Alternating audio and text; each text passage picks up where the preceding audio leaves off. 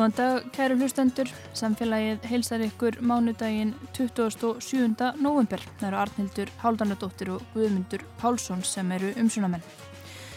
Við ætlum að kynna okkur viðlagasjóðshúsin í Keilufelli í Reykjavík. Ræða við íbúum þessi hús sem voru reist á örskot stundu eftir gósið í heimæ og við spyrjum væri góð hugmynd að endur taka leikin. Við kíkjum svo í heimsókn á þjóðskelasafn Íslands eins og við gerum reglulega. Að þessu sinni ætlum við að fá að vita allt um stóra skjalafölsunar málið frá árinu 1724. Ragnhildur Holmgerstóttir skjalavörður leiður okkur í allan sannleikan um það dularfulla mál. En við byrjum upp í breyðaldi.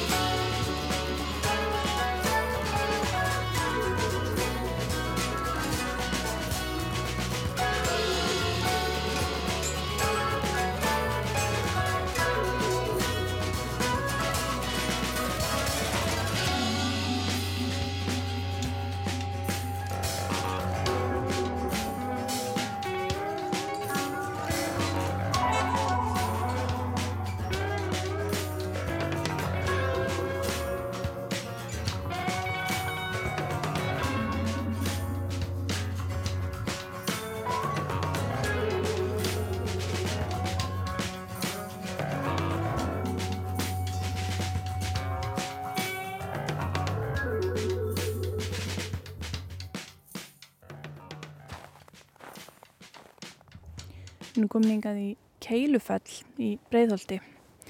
Hér er skemmtileg þyrping húsa. Mér skilst að krakkar hafi kallað þetta hverfi Kardimómubæin stundum. Þetta eru sænsk einingahús sem að voru reist á nánast ljóshraða eftir að gaus í eigum 1973.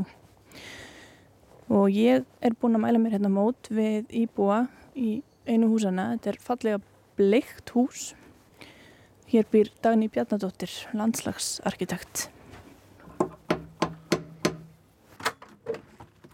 Það er ekkert sem að falla við dagina. Heldur betur. Svo er komið hérna snjóri yfir og Já. jólalegt bara. Já, fyrir að skoða þetta viðlagsjós. Já, Já, það er þetta, skemmtilegt. veit ég hvort á við, mónandi er nú bara að hérna, leysast þarna eitthvað í Grindavík, sko. Já, það lítur nú bara út fyrir að mögulega geti fólk flutt tilbaka. Já, Já, En svo spyr maður sig, þú veist, hvað, svo? Framtíðin, ekki kaffi? E, jú, takk. Já, við sitjum hérna við eldursportið í, í Keilufelli hjá Daníu Bjarnadóttur, landslagsarkitekt. Erum með þetta fína útsýni hérna uh, út um gluggan, gróðurinn og, og morgunheiminin. Og já, ef ég byrja bara á að- spyrja þér sko, þetta er viðlagasjóðs hús, þú ert ekki vestmannegingur, en búin að búa hérna í einhver tíma. Já. Hugsaður mikið um það, hefur það einhvern veginn haft mikil áhrif, þessi vitneski að þetta sé viðlagasjóðs hús? Sko, ég veit nú ekki alveg hvað ég segi um það, en allavega finnst mér að bara góð tilfinning. Er ekki, það vekur ekki upp einhver, einhver óþægilega tilfinningar. Og það er einmitt gaman, hérna bara út í gardi, þá voru steinar sem voru svona neta steinar, mertir, eh, vest, vestmannegar, hérna, já, hvað stóðum, vaff, a, vaff, e. Og ég, þá hef mér hugsað með að já, heyrðu, hérna hefur einhver tekið með sér svona netasteina og nota í gardinum. Mér finnst það svolítið, svolítið falleg, tenging allt í einu, sjá, finna þetta. Hefur eitthvað kynntir sögu þessa hús eða sögu húsana hérna, veistu hvaða vestmanningar fluttu hingað eftir góðs? Nei, ég get nú ekki sagt ég hafi kynnt með það, ekki hvað íbúar hafa verið hérna á undan, undan mér, sko.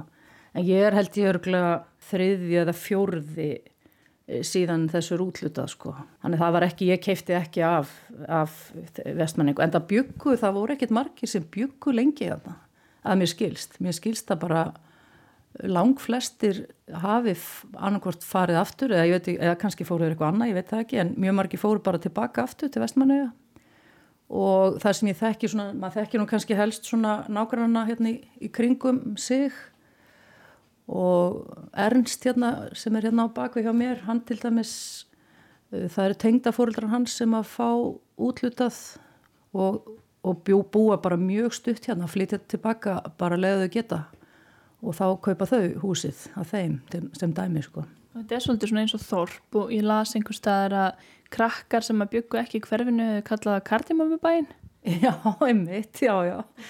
Já, já, ég held einmitt hann hafi sagt hérna, hvað heitir hann, Eggert sem býr hérna líka hann var með möguleikúsi Já, ég minnir hendil í vittali, hann hafi einmitt sagt að þetta væri svona eins og að búa já, vera fluttur inn í hérna, já, kardimömmubæin eða eða inn í Astrid Lindgren einhverja bók. Það er svolítið svona tilfinningin útlitið á húsunum og ég vil líka segja, mér finnst alltaf svo aðdánavert hvernig þeim er raða niður. Það er mjög svona hugvitsamlega gert. Ég fann hérna e, bjæsreitgerð frá listaháskólanum og kalla reitgerðina Tréhúsin í, í steinsteipu frumskóginum. Mm. Katrín Dögg, óðinsdóttir skrifar þetta.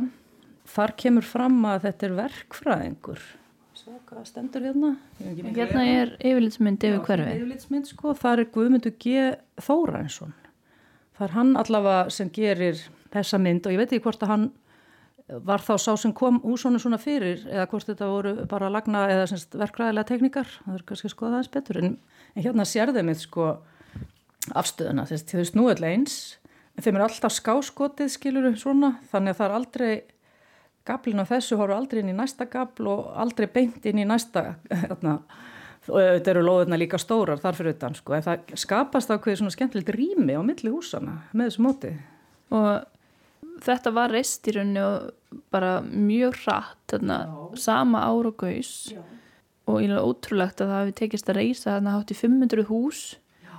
ég var að skoða eins sko með dreifinguna og, og hérna flestir voru selfossi 60 Já svo voru 50 held ég í Kópavogi. Svo voru 42 hús í Grindavík Já, okay. sem að mér fannst líka merkilegt Já, svona í ljósi stöðuna núna og 40 í Reykjavík.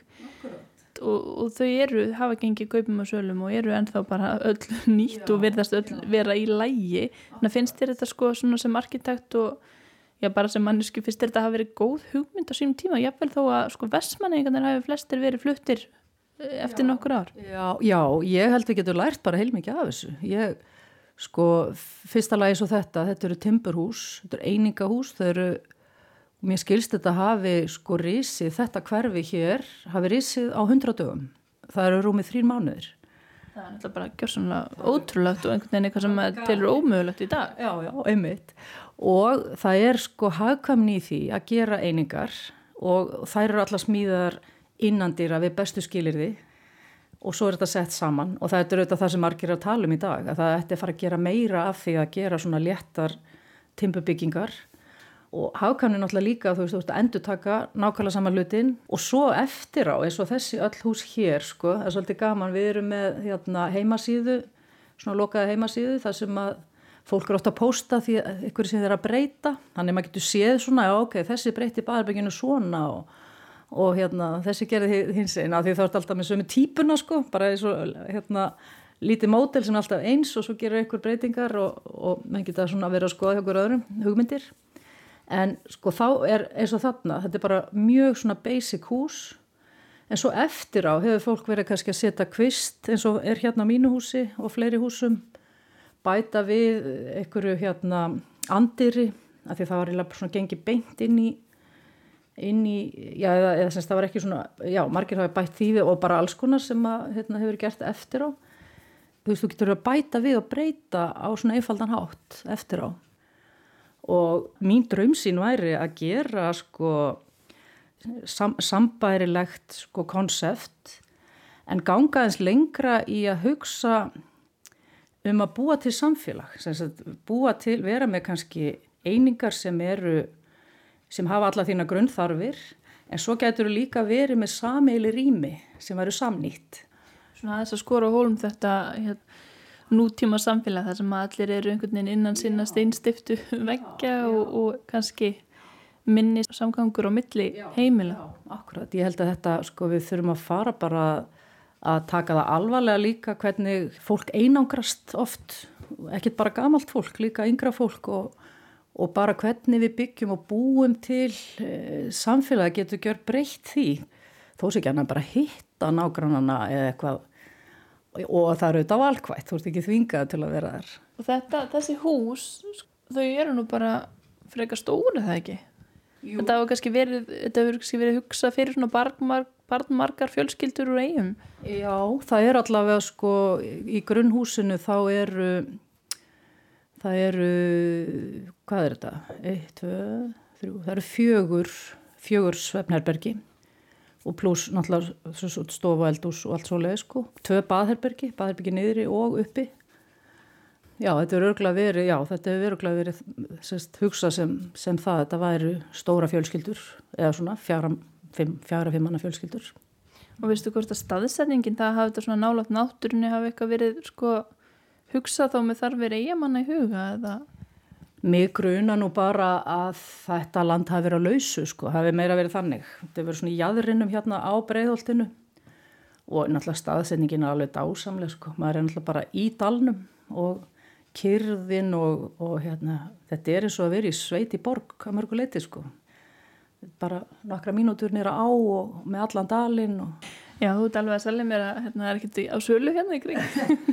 Það er alveg rosalega sjaldan hús á sölu hérna. Ég er nefnilega Sýtur á þessum húsum alveg. Fólk býr mjög lengi hérna og það er nú meðmæli og ég mitt glukastundu bara til að for, maður er svona forvittnast svona að sjá hvað, á hvað verði verið að selja húsin eða eitthvað.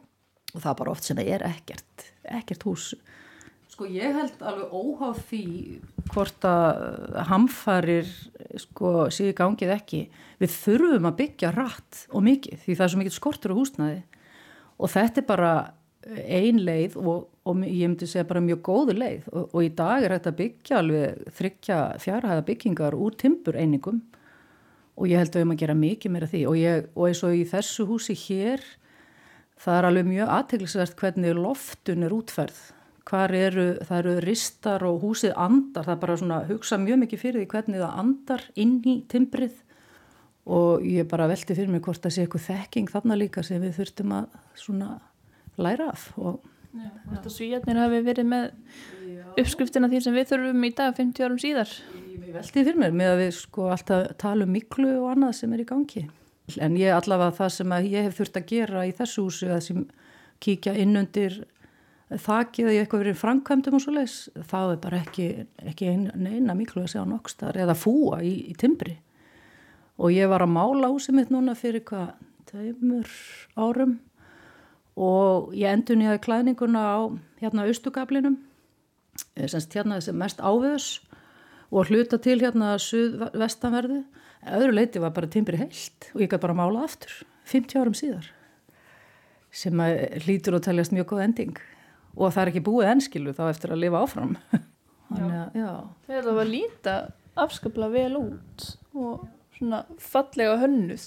Já, mér finnst þetta ég, mér líður rosalega vel í þessu húsi og hérna, góður andi og, og ég er alveg vissum það að það er líka mjög gott að bú í timburhúsi. Það er ákveð lífi í efninu bara. Sálinn kannski anda betur líka. Ég finnst það bara. Já, allir ég kíkja þá ekki bara yfir til Ernst Jú, gerðu það alltaf gana spjallaði Ernst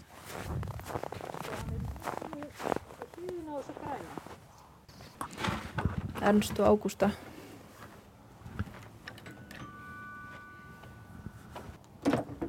Sæl Artildur Ágústa hitti ég Sæl og blessuð Herðu, þið voru til að fá mig í heimsókn? Já, Já. ég, ég vissi nú ekki tilefnið. Nei, það er náttúrulega bara hérna, Húsið eða gósið eða það er Grindavík eiginlega að Grindavík. í rauninni sko. Það er svona hugmyndin að, hérna, því að nú kom þetta nú upp að hvort það ætti að fara að byggja aftur viðlega svo svo. Já, veistu það, mér finnst þetta alveg æðislegt að því að sko fyrsta þá voru þeir ekki að tengja atbyrðin við Vestmannið. Nei, Og það var alltaf sagt óheist og, og enginn hefur, veist ekki, og, mhm, og glemdu Vestmannið en í fimm daga sko. Já, já, að mér finnst já. þetta æðislegt að því þetta er náttúrulega þekking sem að hægt er að viðbröðin þá, þó séu liðin 50 ár, þá er þetta nú samt svona svipað úrlustnarefni sko. alveg sko. Blessaður. Er ég missað eitthvað af einhverju? Nei, nei, ég var, ég er nýkomin hérna inn bara, sæl. Hvað saði Dagni? Hún sagði bara fínt, Hún, hún bara er, var að sína með breytingarnar á húsinu og já, alls konar. er hún búin að breyta mikið? hún er búin að að gera svona útskot í stofunni og, Já, og svo er hún búin að breyta baðherbygginu uppi og já. stækka gættirnar. En nú kannski svipaði hér. Já, Já, vorum- breyðar gættir. Þe- Þetta var opnað 74. Já, árið eftir. Það var hurð, nei, það var, við fluttum, eh, sko, það var flutt inn í húsum 74. Já, já, já, já, já. Þannig að þetta er bara upprunalegt. Já, í februar fluttum við inn. Já, já. Skal byrja ykkur um að, um að kynna ykkur fyrst. Ágústa Óskarskellir heiti ég. Já. Og ég heiti Ernst Kella. Og þið eru svona því sem næst frumbyggjar hérna í, í Keilufelli, keiftuð er það ekki af, Ekki því sinnast. Við, við fluttum hérna 1974 og þá voru, það var búið að flytja inn í svona 10-15 hús hérna. þið eru með tengingu við Vestmannegar. Já, já, já, já. Við, ég er fætt á uppöðin og hann flutti hinga 22 og bjóði Vestmannegjum og var Vestmannegjum meira heldur en svona gengur og gerist. Það má segja, ég var eiginlega hérna, tvær su- sumar á undan var ég tökum að það hjá sjómapið, ríkisjómap, yfir sumarinn. En svo bauð mér bara Emil Björnsson hérna bara full, fulland að jobb. En ég var hálfflutt til Reykjavík þegar góð sem byrja.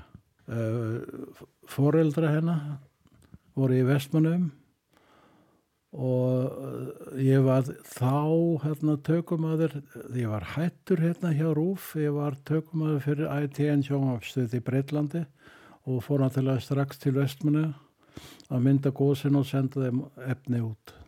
Þannig að þú varst bara á vettvangi Já, já ég kom eiginlega hérna í þrjá mánuði. Að taka upp efni.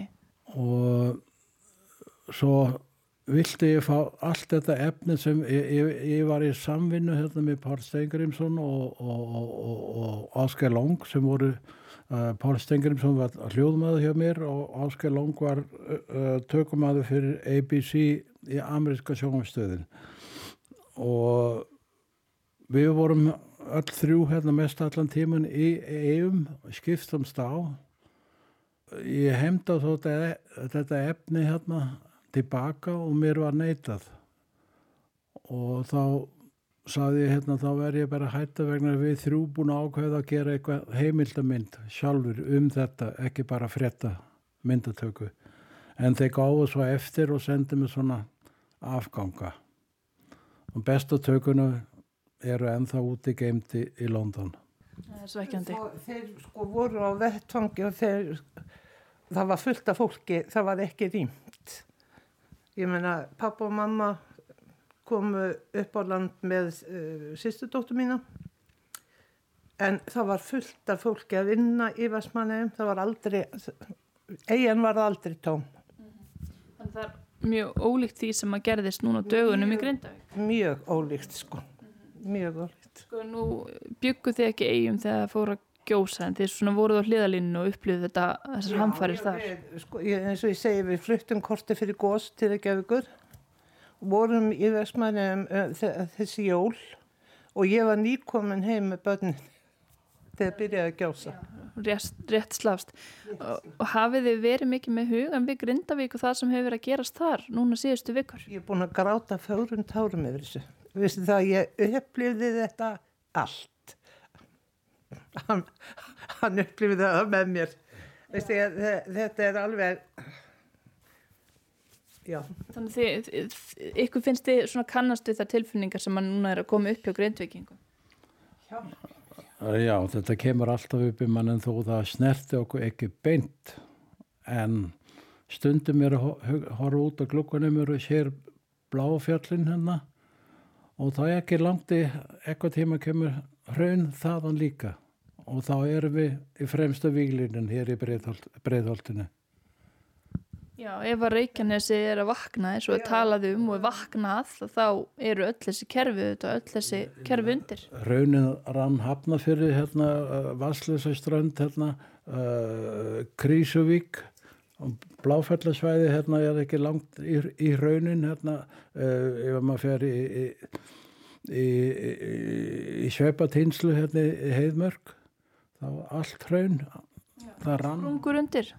sprungu undir Er þið farin að hugsa meir um það þá núna út af þessum hræringum? sko, og sérstaklega sko, með grindvikingana þeir eru svona eiginlega það er verið að læra á þeim þeir, þeir eru fru, frumgerðin sko það má, það má líta á það svoleiðis hvað, hvað gerðum við rétt hvað gerðum við ránt og þau verða náttúrulega að lifa það Og svo er náttúrulega hægt að horfa enn aftur, eh, enn lengra aftur í tíman og þessi 50 ár til vestmanni. Akkurat sko og það er til dæmis eins og félagsmiðstöðun sem, sem að þeir eru með í tollhúsinu núna. Þetta var í rétt við hliðin út af tollhúsinu, hvað, býtu hvað heit það? Stórt. Ekki alveg. Hafnabúðir var þetta Hafn, kallað. já, já, já, já. Uh, Þar, þar, þar var fólk með, eða sko þar var Rauðkrossin og þar var samkominnstaðu fyrir, fyrir okkur vestmanninga og til og með stóttur okkar það er eina sem hún mann, hún var 7 ára. Það er eina sem hún mann eftir það var að fara í hafnabúðir og að ullavetningarnir stungana. og sýstu dóttur mín, hún var með pafmamma, hún var ári yngri, svo leysa þær upplýðuðu saman, veist ekki, áfallið. þarna var hægt að koma og hitta aðra krakka á reyjum og, og hlaupum og leika sig vandalega þess. og, og fólk bara, veist ekki, eins og grindvikingar hafa gert, hist, hlegið og grátið, sko, Það skiptir máli. Öll. Sko, nú er þetta um eitt viðlaga sjóðshús og þessi húsa þyrping hérna á sem fallega stað í Keilufelli og þau voru, sko, þetta voru hátt í 500 hús, þessi viðlaga sjóðshús á landin öllu, skilst mér. Já, Og mér var svolítið skemmtilegt að sjá að þar að voru 40 hús í Grindavík, þannig að þannig skapast kannski þessi tenging sem maður hefur heyrt talað um millir Grindavíkur og, og Vestmanneja, svolítið. já, já, já. Og það var, var fullt af vestmanningum í Grindavík, ég veit ekki hvernig það er núna, eitthvað. Ég er búin að kannast um nokkur andlit. Hver er afi hans eða amma? veist ekki. En viðlega, þeir, sko, þeir eiga bara að fara út í það að henda upp svona húsum, sko. Þó að það virðist svona vera aðeins að hægjast um hann í Grindavík, að það sé bara þess virði að ráðast í svona aðgerð. Mér skilst að húsin hér hafi risið á 100 dögum sem er algjörlega ótrúlegt. Alveg. Þe- Þetta, já, við vonum, þetta var, já, þetta hafi verið hundra dagar. Og pappi sótti um þetta hús, sko, ætlaði sér ábyggil aldrei að búa hérna. Að hann var farin til að eiga svo fljótt, sko. Já, og það var einu, flestir fóru. Ykkur hefur ekki dótt í huga að fara aftur til eiga? Nei, nei, náttúrulega atvinna minn var þannig séð að það var nóg að gera í kvikmyndagerð í þá daga. Það var ekki annað hver maður kvikmyndatökum maður, nú geta, nú geta hver sem er hérna byrst sin eigin myndi á YouTube. Það er kannski ekki sömu gæði ef maður er með síman. hérna. Uh, nei, en samt hérna byrting hérna er alveg uh, svakalega mikið breyting síðan þá. Uh, líka hérna það sem hefur breyst mikið hérna, ég þurfti aldrei að sína, sína minn enska bladamann að passa eða neða íslenska bladamann að passa. Þeir fóru alltaf til og frá eiga að spyrja enginn. Aðgengi fjölmjölumanna núna að þessum vettvangi Grindavík hefur verið mikið til umræðu og hefur verið umdelt hversu lítið það var hérna á tímabili. Það er synd að fréttamenn skul ekki hafa haft meiri aðgang. Því að okkar kynni að fréttaflutningi er, er þó nokkur. Sko, þe- þetta hefur svo mikið að segja fyrir Ísland. Bæði fyrir sko, tilfinninga, fólk fær fyrir af orkin eins og til dæmis að gauðs í vestmenni. Færingar, þeir fóru að sapna veist ekki, og bara tilfinningin og þetta Líka þessar sögur og heyra þessar sögur og þetta eru bara sögur sem eru þess virði að fólk út í heimi heyri og ég er ekki samála lókun á þessu endur svona verið að lifta því eitthvað núna. Já, svona staðan núna í Grindavík og staðan fyrir 50 árum í, í Vestmanni um þetta í janúar þegar að gaus. Hvað finnst ykkur vera líkt, hvað finnst ykkur vera ólíkt? Það verðist vera hérna uh, öryggisnet fyrir svona er mikið þróskaða núna og tilbúin og yfirvöldin verið fyrir að líka taka strax á vandamálinn. Þegar vestmanniða yfirgafu hérna vestmanniða, það var allt svona í lausum reipum, hérna náttúrulega ættingi og kunningaskap og svona, þeir voru dreifð út um allt. En núna er allt öruð sig og mér sýnist þetta alveg í rétta farveik eins og það er núna. Já, mu- munurinn á að vera grindvíkíkur, flóttamaður, að þá er hann á sömu jörð og heimabærin. Vestmenninga þurfti að fara með flugjöl eða bát. Til að, til að, og þeim var eh, ekki bóðið strax að koma og sækja dótið sitt sko. En svona þegar fóru á að líða þá, en það kostaði bátsverð eða flugferð en það stóði enginn og sagði þú mátt ekki vera nema fimm minútur. Það er svona munurinn á þessu. Það er munurinn á þessu. Mér langar að bæta einu sinni við að þessi ljósmyndari hérna hjá ykkur hérna hjá Rúf ég skil hann að þegar maður er í miðjun eitthvað svona hamfarir þá, og bakvið eitthvað tökuvel þá gleyma mér sig gössanlega uh, ég til dæmis hérna ég seti mig oft í hættu hérna í vestmannjagósin uh, ég lappaði yfir fljótandi hraun glóandi. Náttúrulega það var storkand á yfirborðin. Það, kemur eitthvað eins konar veiðiskap upp í mannin að maður gera sér ekki grein fyrir. Ég ímyndi mig hérna í stríðin hérna allir þessi fréttamenn sem láta lífin hérna uh, nákvæmlega eins hvort það sé gós eða stríð ég rótaðast einu sinni var, og ég hér er með kapna einu sinni. Og allt einum hérna var eins og að setja hérna spöng hérna utan um brúskassa mig. Ég gati ekki anda og ég fatt ekki hvað þetta var hanga til gasi. það var gasinn, kólmónoxid líktalös en mér tókst að að krabla mig upp á topnum og, og byrja að anda aftur, þá fatt ég Það, það er þess vegna sem að þeir loka í Grindavík. Það vissi, veit enginn kemur þetta upp núna. Það er þessi óvissa sem er allt um Það er leikjandi. þessi óvissa, sko. Svo, svo er maður að segja þeir eiga hleypin meira og svo segir maður, já þeir eru að gera rétt. Ég meina, Þetta hafa sterkar skoðunur á því að þessi algjör, algjör vittlis að vera að leipa fólki hann inn eða algjör vittlis að leipa fólki það ekki. tilfinningarlega sé verður fólki að fá að fara heim. Ég þekki það. Já. Uh, að lokum bara sko viðlagasjóðshús, nú virðist aðeins vera að róast undir Grindavík. Það eru samt sem áður 4000 manns tæplega á flótta í óvissu um hvar þeir að vera næstu mánuði jafnvel. Finnst ykkur rétt á þessum tímapunkti að fara að huga að svona viðlagasjóðshúsum eins og við erum nú í hérna í keilufellinu? Já, ekki setna heldur en í gær. Að því að það er alveg hægt að reikna með því að partur af grindvíkingum getur ekki hugsa sér að búa þarna. Það er rætt og það, ykkur stað verður, er ekki íbúðaskortur hérna? Já. Byggja viðlagasjóshús eins og þetta var kallað þá og við kallum það ennþá.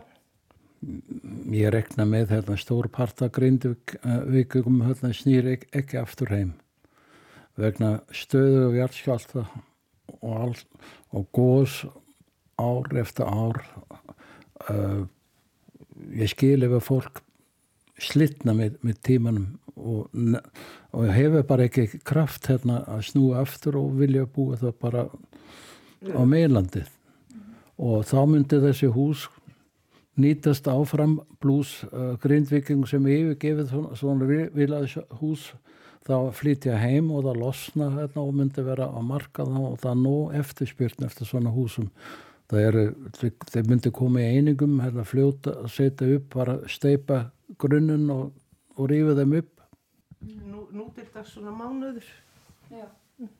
Og sko, er mikið eftir af, af versmanneigja svona andanum í þessu hverfi? Þetta er náttúrulega búið að breytast mikið. Er, er ennþá versmanneigja blær hér? Það er vestmanniða blær hérna. Já. Og flestir séu farnir. Já, það eru tvær uh, fjölskyldur hérna upprunalega við og fullorðin kona hérna með són sinn Já, svo, er, e, svo hafa týnst inn svona vestmanningar, vist ekki, keift hús hérna, sko. Já, bara setna. Já, en það er alltaf þessi andi. Hvernig lýsir þessi vestmanni að andi sér? Ég veit ekki, þú getur útskjöld. Horfið í hvort og annar. Já, og ég er náttúrulega fættur vestmanningur. Ég er innflutt. Já, hann er innfluttur. Ég veit ekki, það er samstaða. Samstæða með að líbúi hérna. Já, ég, ég held ef að, sko, ef áreinir, það er ekkit verið að hlaupa í hvers manns kopp, sko, en þegar áreinir, að þá, og andin og fólk telur sig, það talar um, við erum í Vestmanniðahúsum. Já. Vestmanni húsin í Keilufellinu. Já. Og fólk hefur, Vestmanningar sem hafa flutt hérðan hafa grátið í marga mánuði hverfið, því að það, það kemur einhver stemning. Ég held ennþá, hérna, sér maður að og til hérna bíla, kera í hægafjörði gegnum hverfi. Það var fyrfirandi eigandi, ekvar hús að skoða. Það er heimsæk. Þó að einn kom í hjól, var hún ekki í hjólastól, annan, Jú, jú. uh, Og stoppa, stoppa alltaf Sto- hérna, að við erum aðgengileg frumbyggjar, Já. veist ekki? Og Við við, hafið þann sess að vera frumbyggjarnir sem að fólk leitar til hér í hverfinu.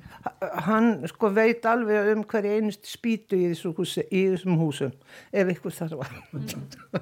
Ég geti gefið góð ráð um, um framkvæmdir og já. þess aftar. Og húsið hefur einst vel. mjög, mjög vel, mjög vel. Barnaböðnum segja ekki selja húsi fyrir áður en þið spyrjið okkur. Já. Þau Þau vilja hafa- vera með í ráðum. Nei, Já, þau, þau vilja öll sko kaupa það þegar að, að því kemur. Já. Takk fyrir að spjalla við samfélagið um, um Vestmanneigahúsin í Keilufelli og þessar hamfærir allar. Múnandi fegstu eitthvað upplýsinga meira? Algjörlega. Bara mjög skemmtilegt að fá þetta sjónarhótt. Um það sem að þú varst að spyrja. Já, Því Já. að maður fyrir alltaf svona, já, já, þá fær maður svona smá útrúdúra með sem eru bara skemmtilegir, sko. já, sérstaklega um þetta mál, sko. Já.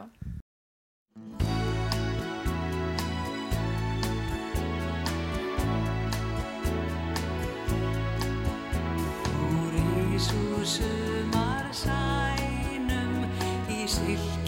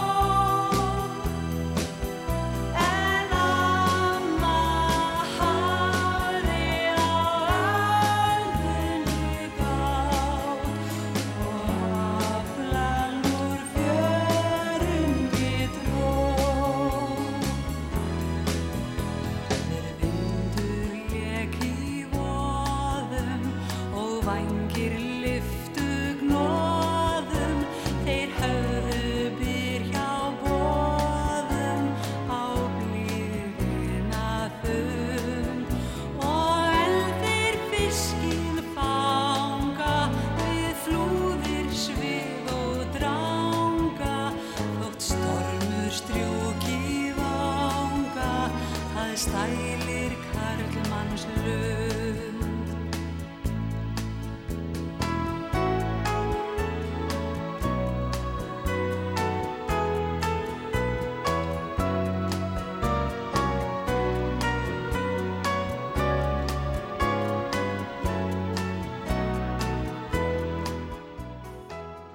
Já, hér heyrum við Þurriði Sigurðardóttur syngja lagið Heima, þjóðhattíðalag Vestmanneja frá árinu 1951.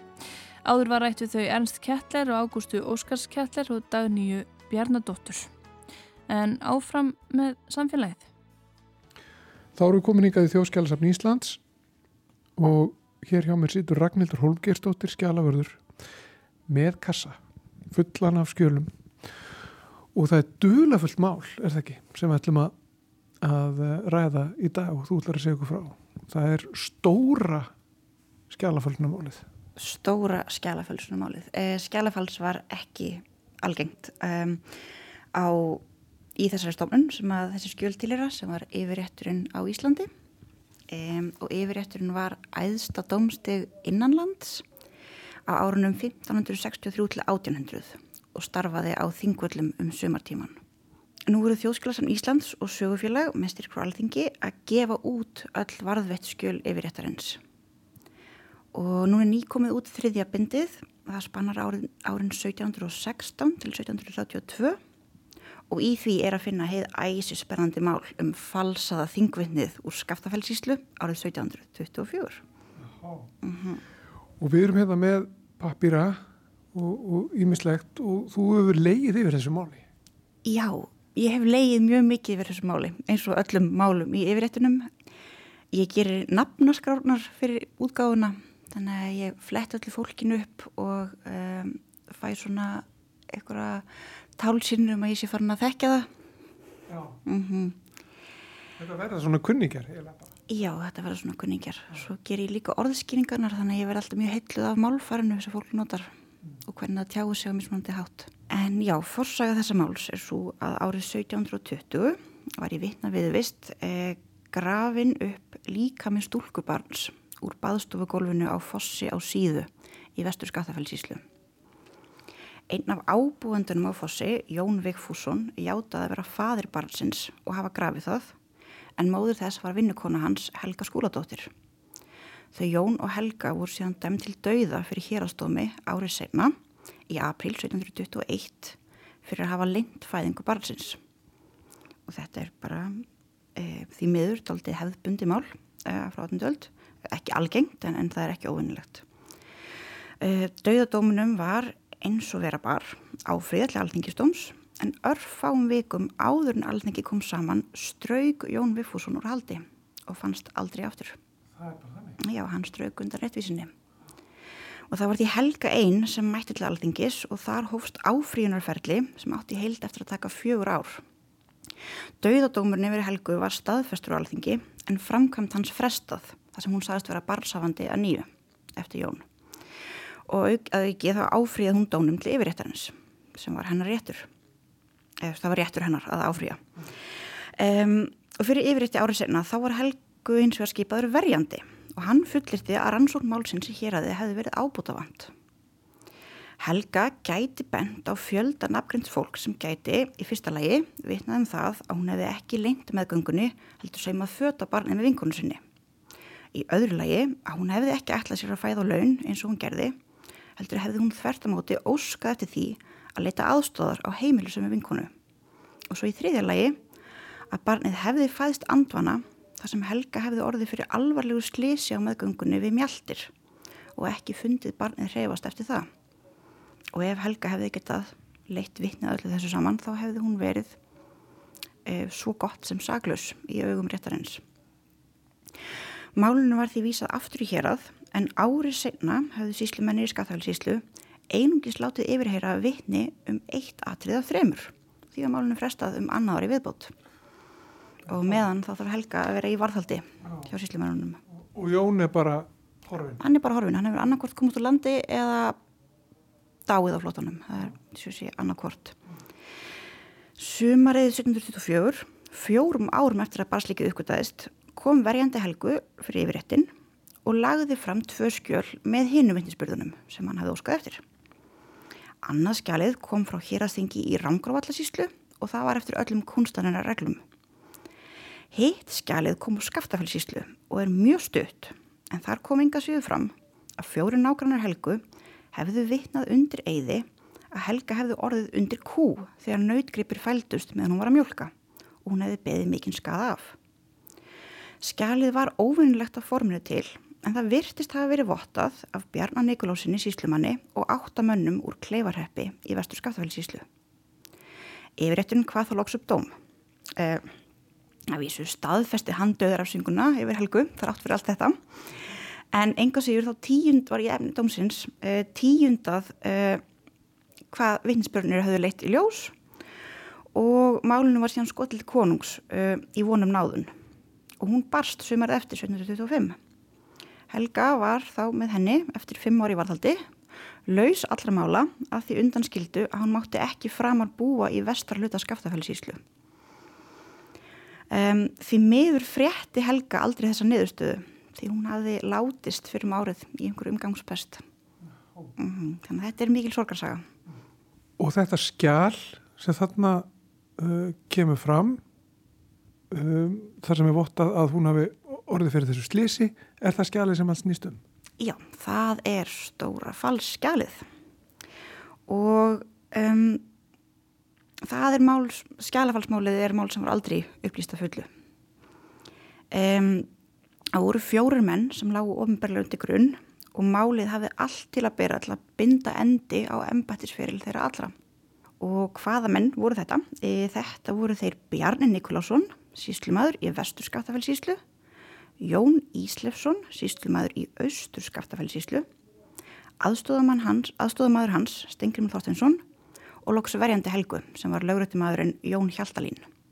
Og kemur ljós, sko, blasir það bara við þegar þetta skjál er, er grannskoðað að það hlýtur að vera falsað?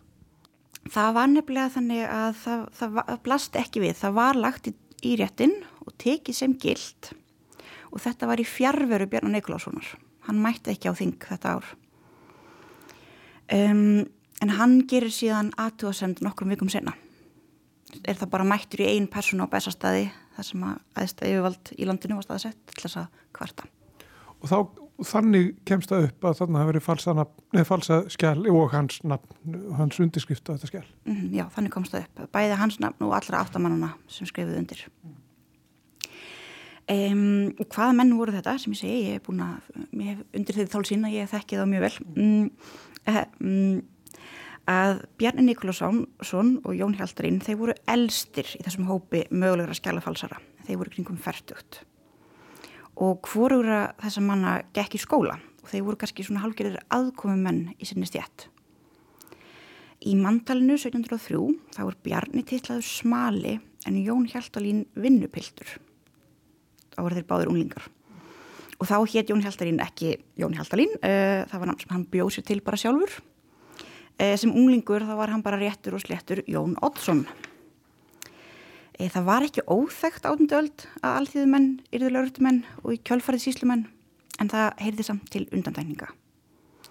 En Jón Hjaldarinn stóð samt betur að því leiti að þó að hann sé teitlaði vinnupildur, að á skoðar bæin betur, þá er hann í vist hjá frænda sínum og frændans er prestur. Hann hefur strax svona aðeins meiri aðgang að, að mentun heldur en bjarni og það eiginlega háði Bjarnar Nikolásssoni allan hans feril að hans mentun var óformleg. Eh, hann lendi í vandræðum aftur og aftur af því hann gerði hlutina ekki eftir bókinni. Og það er eitthvað sem þarf að hafa í huga í þessu máli.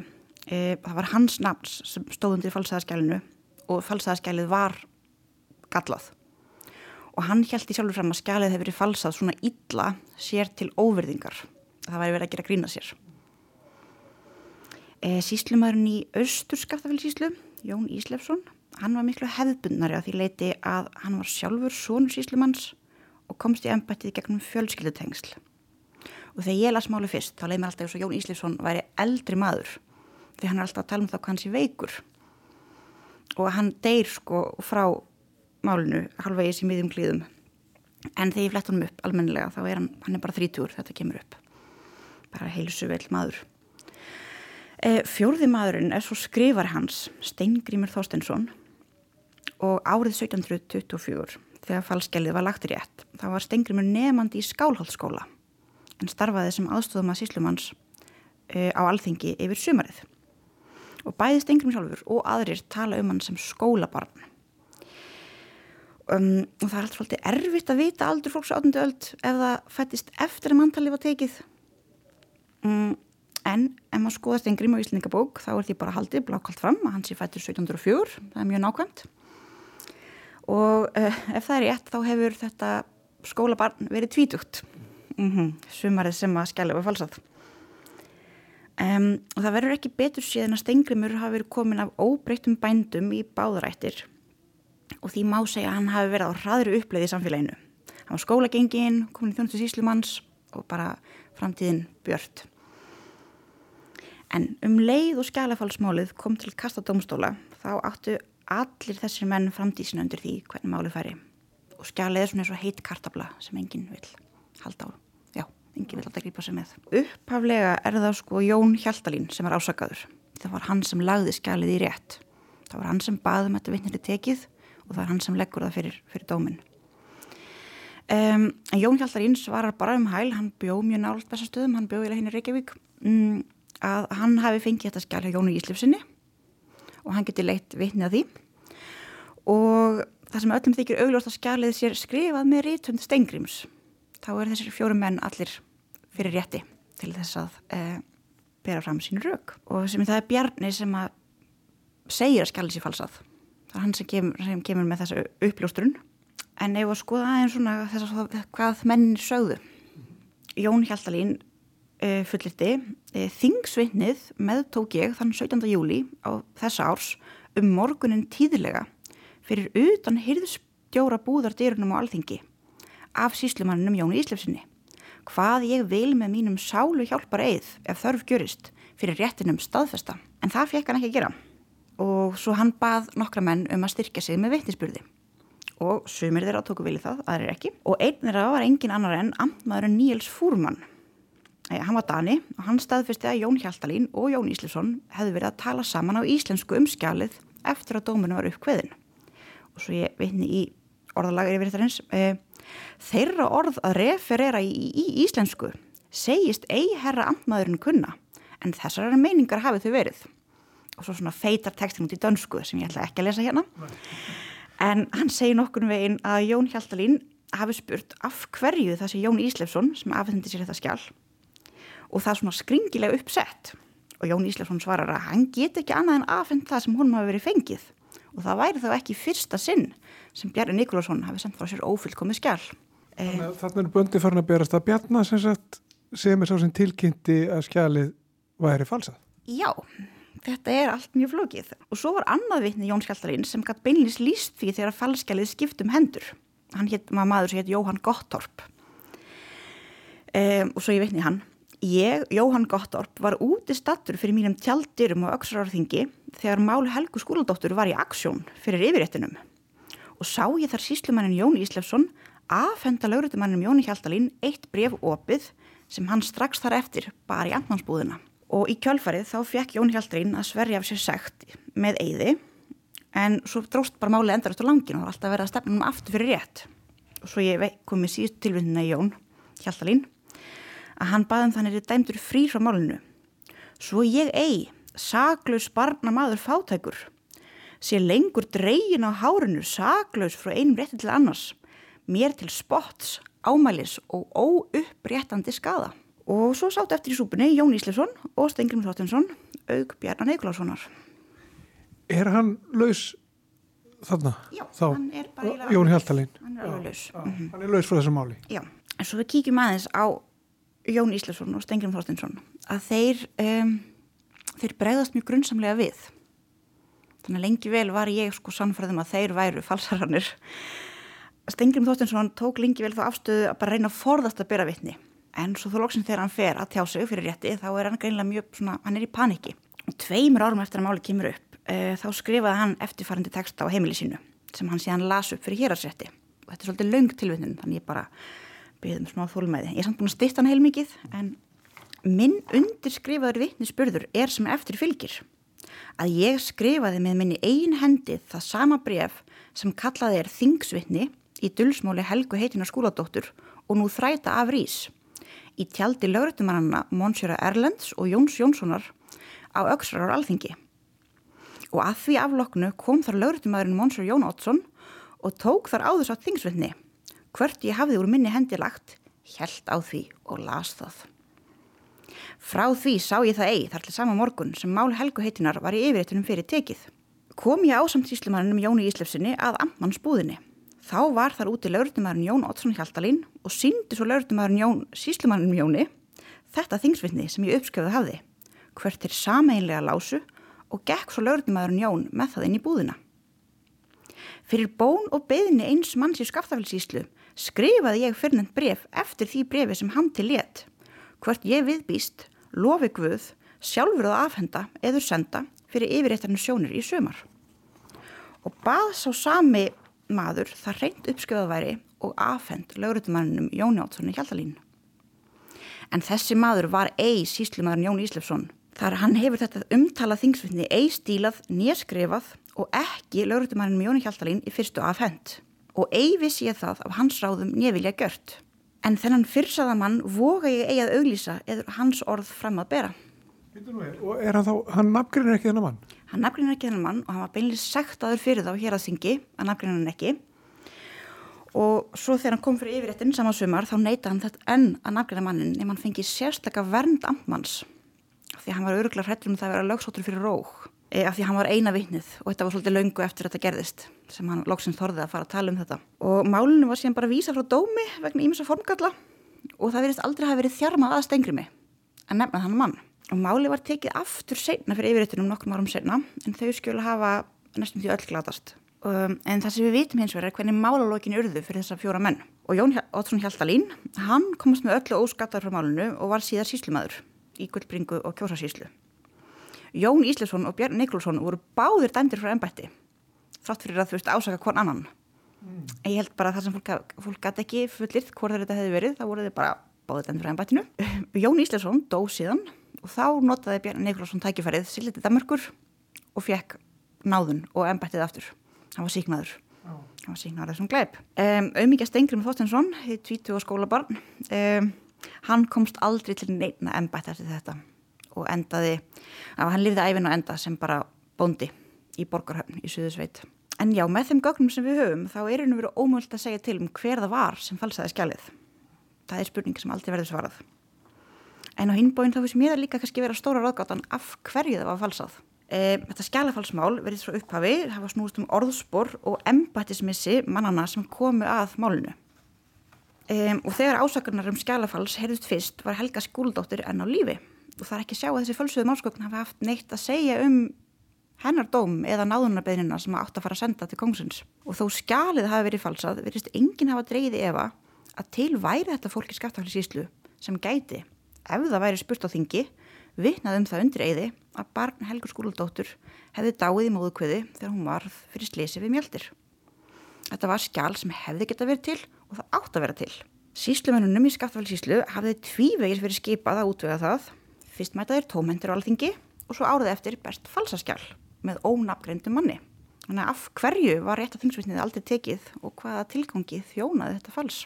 Og sko þóð Stengrim Þortinsson hafa aldrei þórað að nafngreina manninu úr skaftafælsíslu þá samt lagðan frumskjalið í réttin og hann saði að sér fyndist að vera með rítönd manns sem hitt Erlendur Gunnarsson og var klusturhaldari á Þykvabæðiklustri og hann kemur bara ósa lítilega við sögu í varðveitskjölunum hann verist að hafa verið yfirherður segna þegar máli fór fyrir dóm en við vitum ekki hvað hann saði en hann hefur samt varðla verið sko höfupörun eða átt frumkvæðið að þessu þó hann hafi kannski skrifað skjalið þannig að ef við gerum það frí þessi fjóru menn sem voru uppálega grunnaður að þeir, það hafi ekki verið neinn annar að þá er svona nokkuð augljóst að það hafi annarkort verið Bjarni eða Jón Íslefsson. En hver geti hafi verið tilgangurinn? Um, ef Jón Íslefsson falsaði skjalið þá væntanlega var hann að reyna að varpa rýrð á Bjarna og kannski hann svolsa undir sig hans ennbætti. Ef Bjarni falsaði skjalið þá hefur hann væntanlega verið að reyna að varpa einhverjum skugga á laurdumannin Jón Ótsson Hjaltalín sem hafði láti Bjarn að líta ítla út með því að segja að rannsókninu hefði verið ábúta vant í hér að þið og, og dreyði allt málað langin en já, við bara, við bara vitum það ekki Nei. Hvað heldur þú? E, sko, nú hætti ég að tala sem sagfræðingur og bara tala sem bara, einhvern sem langar kannski að gera sábópru um þetta. E, þá myndi ég segja, sko ef Jón Íslasson hefði falsað skjalið hefði hann þá aðfendað fyrir allra augum? Hefði hann ekki falið það? Og ef Bjarni Nikolásson falsaði ekki skjalið af hverju tók hann ekki alveg þingvetnið? Ég myndi vilja spyrja hann að því allavega áður en ég geti mm -hmm. Við þurfum nú bara að fara að segja þetta gott. Um, þetta er, er Magnúsaga mjög áhugavert uh, eru þessi skjöl til? Er falsaða skjalið til? Nei e, öll skjölin eru bara til í afriti því miður. Ég væri virkilega til í að sjá falsa, e, upphála falskjalið en það var strax árið 1726 orðið ratirað og sundur í rifið. Nei, það var ekki ratirað, það var makulerað. Og það hefur mikið verið ringt í þetta skjala sínum tíma. Já, fram og tilbaka og öruglega silt með allir kaupmannarhafnar og já, það er bara ómöld að segja hvað varðum það. Skulum segja þetta gott. eh, Að þessu sinni gaman að fá að koma í heimsókn og, og hérna, fræðast um Bara, þetta dula fulla skjala fyrir svona mál. Já, takk fyrir að leifa mér að tala svona lengi það. Ragnhildur Holgeistóttir skjalaverður, takk fyrir þetta. Þá ætlum við að heyra eina örstutta málfarsmínútu.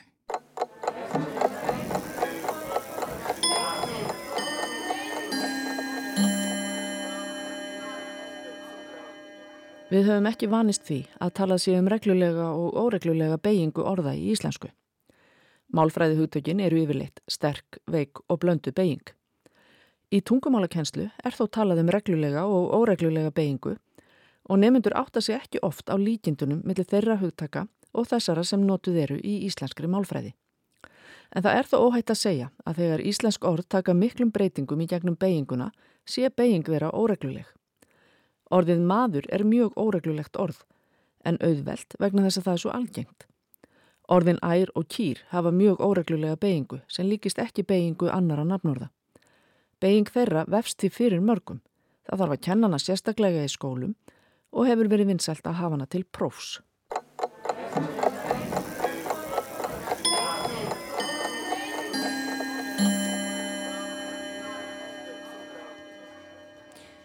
Takk fyrir það, Anna Sigriði Þráinsdóttir, Málfars ráðunitur. En þá ljúku við samfélagin í dag. Njóti dagsins og við heyrumst aftur á morgun.